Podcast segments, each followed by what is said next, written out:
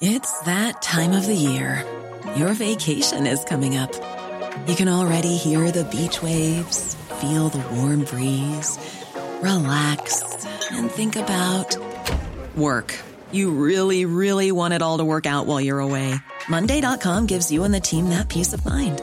When all work is on one platform and everyone's in sync, things just flow wherever you are. Tap the banner to go to Monday.com. Hey, I'm Ryan Reynolds. At Mint Mobile, we like to do the opposite of what Big Wireless does. They charge you a lot, we charge you a little. So naturally, when they announced they'd be raising their prices due to inflation, we decided to deflate our prices due to not hating you. That's right. We're cutting the price of Mint Unlimited from $30 a month to just $15 a month. Give it a try at mintmobile.com slash switch. $45 upfront for three months plus taxes and fees. Promo rate for new customers for limited time. Unlimited more than 40 gigabytes per month. Slows. Full terms at mintmobile.com.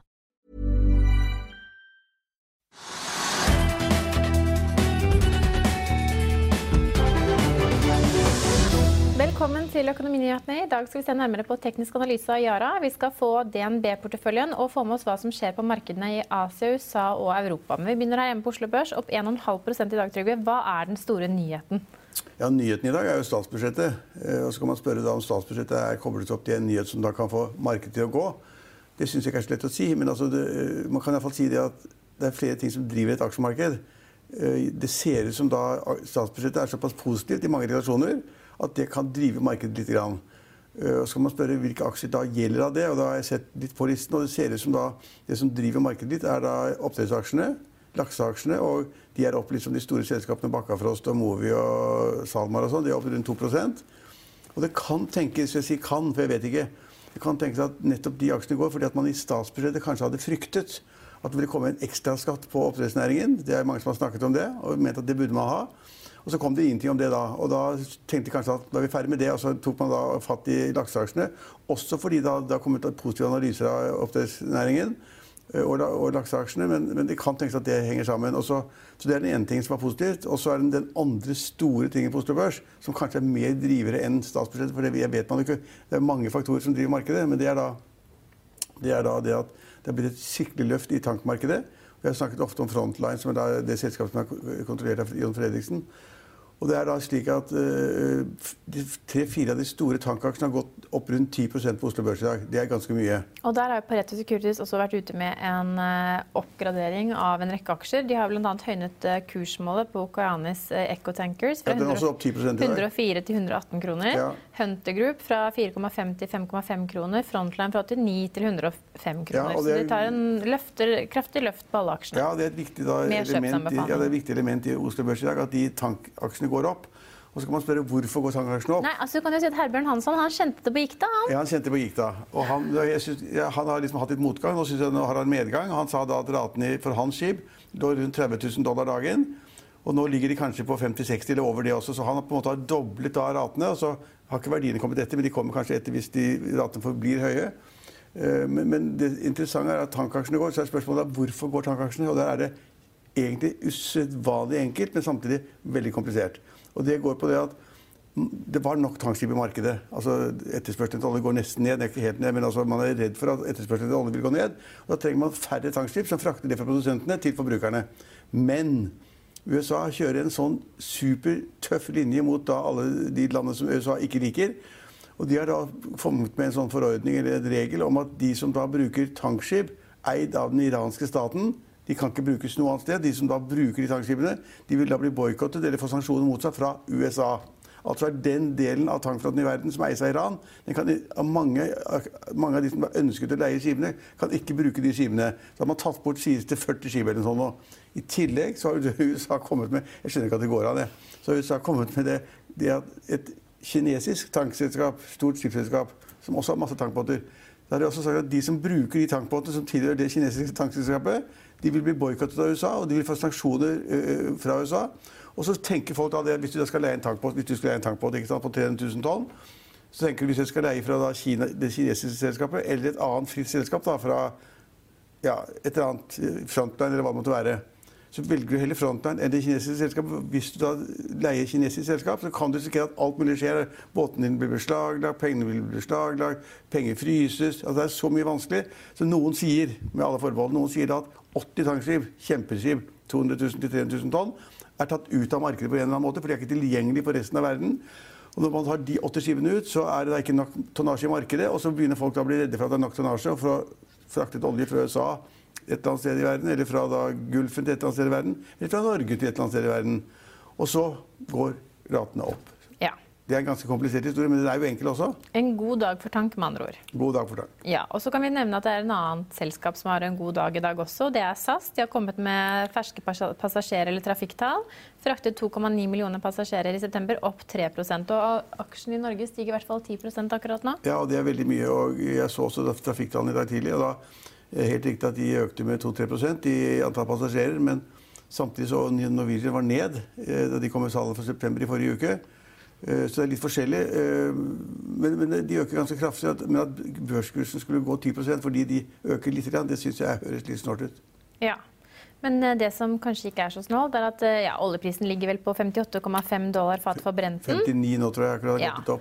Og da kan vi se at både Equinor, BV Offshore og Aker BP har gode, Gode dager, gode men- dager. Altså, Aker BP er opp til nesten 3 Equinor stiger jo litt under 1% og BV Offshore, som meldte om funn i Gabon på, på fredag, er opp 7,5% Men det at, det at brentoljen ligger fremdeles under 60 dollar per fat og ligger på rundt 59 dollar per fat, skulle ikke tilsi at Aker BP går 3 Men det er liksom, alt med olje er litt usikkert nå. Man vet ikke om da, hvem som skal frakte oljen, man vet ikke hvem som får solgt oljen.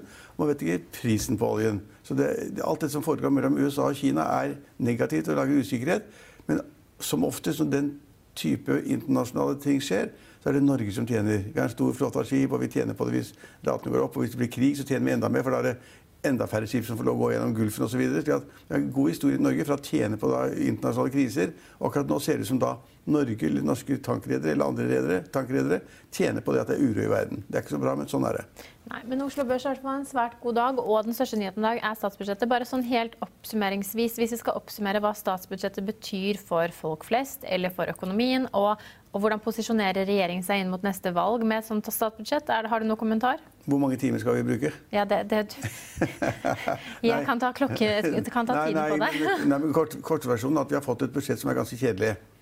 Og så har da regjeringen valgt det sporet som ingen hadde forutsett. Det var det at de bruker mindre penger fra oljefondet til neste år enn sammenlignet med år. Ca. 2,6 milliarder kroner mindre. Det, det kan bli tre, det kan bli fem, det kan bli hva som helst. Men de bruker mindre penger enn man da hadde regnet med. Og det syns da eh, noen er veldig bra, for det betyr at det er en innstramning i økonomien. Altså Det blir ikke inflasjonsdrevet, og de kapasitetsutnyttelsen er stor. Så strammer man litt til og bruker mindre penger enn beregnet. Mange syns det er bra. Jeg syns det er bra. Det er ganske imponerende at de gjør det, og, og det da hva mange hadde ventet. Så gjør man ingen skattegrep, altså formuesskatten, som det veldig mange av våre seere er opptatt av. Den er jo ganske kvelende for mange, det de som ikke tjener penger. Og Der er skattesatsen på 0,85% Det er den fortsatt ingen endring på skattesiden eh, når det gjelder formue. På inntektssiden for alminnelige mennesker så er det da bitte små endringer. Vil si at det er forskjellige innslagspunkter for skattesatsene når det gjelder personskatten, som ikke skal bli mer enn 46% marginalt. Så øh, har de da justert opp de tallene hvor da innslagspunktet er. Hvis innslagspunktet er på 100 kroner i fjor eller i år, så justerer de opp til 101 eller- eller 102 kroner til neste år. Det er bitte små justeringer, betyr ingenting. Altså det betyr ingenting. Men er, regjeringen sier selv at summen av alle skattelettelsene til neste år er 500 millioner, altså 0,5 milliarder eller 500 millioner kroner. Det er ingenting. Så, så det betyr iallfall ingenting. Og så er det da litt sånn bilavgifter hvor da alle CO2-avgifter skal økes med 5% Det betyr at folk må betale mer for når det gjelder CO2. Men samtidig så har regjeringen da sagt at de skal få billigere bilbruksavgifter, slik at det kompenserer for den økte CO2-avgiften. Det er merkelige greier. For det ene da er, er, er bra for miljøet, kanskje. Og det andre tar ut den effekten av, på, på klimaet. Og så skal de legge TV-lisensen inn i skatteordningen. Ja, ja, fordi at du skal slippe å betale den Ja, dumme helt forferdelig forferdelige avgiften som kommer to ganger i året. Og så tenker du sånn, ser jeg egentlig noen gang på TV? Nei, men jeg bruker TV-en. Ja, men i alle fall så er det bedre at du betaler over skatteseddelen, syns jeg, enn at det sitter da 100 mennesker et eller annet sted oppe i landet og skriver ut sånne bankgiro som du må betale hver måned. Det er noen ordentlige tullegreier. Det er statsselskap, ikke sant? og man, kan gjøre, man har brukt formuer på at masse mennesker sitter og skriver den dumme avgiften istedenfor å betale skatteseddel, så det blir bedre. Men så har de gjort noe som kanskje du har benyttet av, som ikke er så bra. Nå må du hjelpe meg. Den 350 kroners øh, Ja, netthandel. Netthandel, det har du sikkert, Ja. det, det driver du sikkert med. Ja, jeg har altså, ikke så voldsomt mye i det siste. Nei, men hvis du har gjort det, for Ja. da varer under 350 kroner, Ja. så har det vært moms- og tollfritt. Kommer ikke under 350 kroner med det jeg skal handle. vet du. Nei, nei, men det er noen som handler småting. Det kan jeg se, tenke meg. Det er mange som handler småting, og da mener da norske næringsdrivende som har butikker langs grensen, at eh, de har tatt masse penger på det at folk kan sitte hjemme på Gjøvik og bestille da varer fra eh, Arvik, Arvik, hva heter det, Arvika? Arvi, Svinesund eller hva det måtte være, eller Stockholm. Eller Kina. Eller London, New York, Kina, ja. Og da, man kan da ha varer momsfritt og tollfritt. Det har mange irritert seg over, for de mener at det skader norske næringsdrivende. Det er konkurransevridende. Det er riktig. Og så har da regjeringen da tatt bort den fordelen man hadde ved å gjøre enkelt å bestille småtterier under 350 kroner. Det er, Men det er jo nesten et miljøgrep òg, vet du. For at du skal sende sånne småting for under 350 kroner, så går det ganske mye plast i emballasje med på hver forpakning. Og kommer den fra Kina til Norge, så har den vært gjennom en rekke transport. Men nå må du kjøre til Strømstad isteden. Eller, ja. eller til eh, et eller annet sted innenfor Kongsvinger. Men hvis du sånn. kjører elbil, så får du lades på veien. ja. Men, men jeg tror at mange mennesker vil irritere seg litt over det at de tar bort den fordelen. Jeg kan ikke, jeg kan ikke se, altså, regjeringen tenker på næringsdrivende, konkurran ikke konkurransevridende, og tar bort den fordelen. Det er, og så tenkte, har jeg tenkt på, det- Ellers kan jeg ikke finne på det. Altså, budsjettet er ganske kjedelig. De kunne funnet på noe mer spennende og drastisk, i og med at de, har én sjanse til om ett år. Så er det nytt, da er vi i 2020. Og da skal de lage budsjett for 2021, og da er det valg. Ja, jeg leste bare i helgen at Forsvaret fikk noe mer, eh, mer midler, men det skulle ikke bruke til å kompensere for den der KNM Helge Ingstad som hadde Nei, Som kostet 12 milliarder. Ja. Nei. Nei. Nei. Men oppsummert så er det liksom at det, det er ikke noe sjokking. Og jeg så på de første kommentarene fra politikerne på Stortinget i vandrehallen. Fra budsjettet, Det var kjedelige kommentarer. altså. De hadde så lite å kritisere at det var helt nesten komisk. slik at Dette er et gjennomarbeidet, godt, sunt budsjett. Og så er det det at det kommer mens norsk økonomi går til at det griner. Så det er veldig vanskelig for opposisjonen å si det at hvis de gjør sånn eller sånn, så blir det flere i arbeid, eller arbeidsledigheten går ned. For at arbeidsledigheten går ned i dette budsjettet. Veksten er stor. Sysselsettingen øker. Alt er i grunnen bra.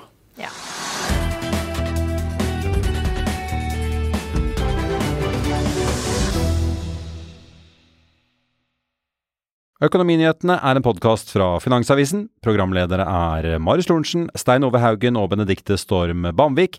Produsenter er Lars Brenden Skram og Bashar Johar. Og ansvarlig redaktør er Trygve Hegnar.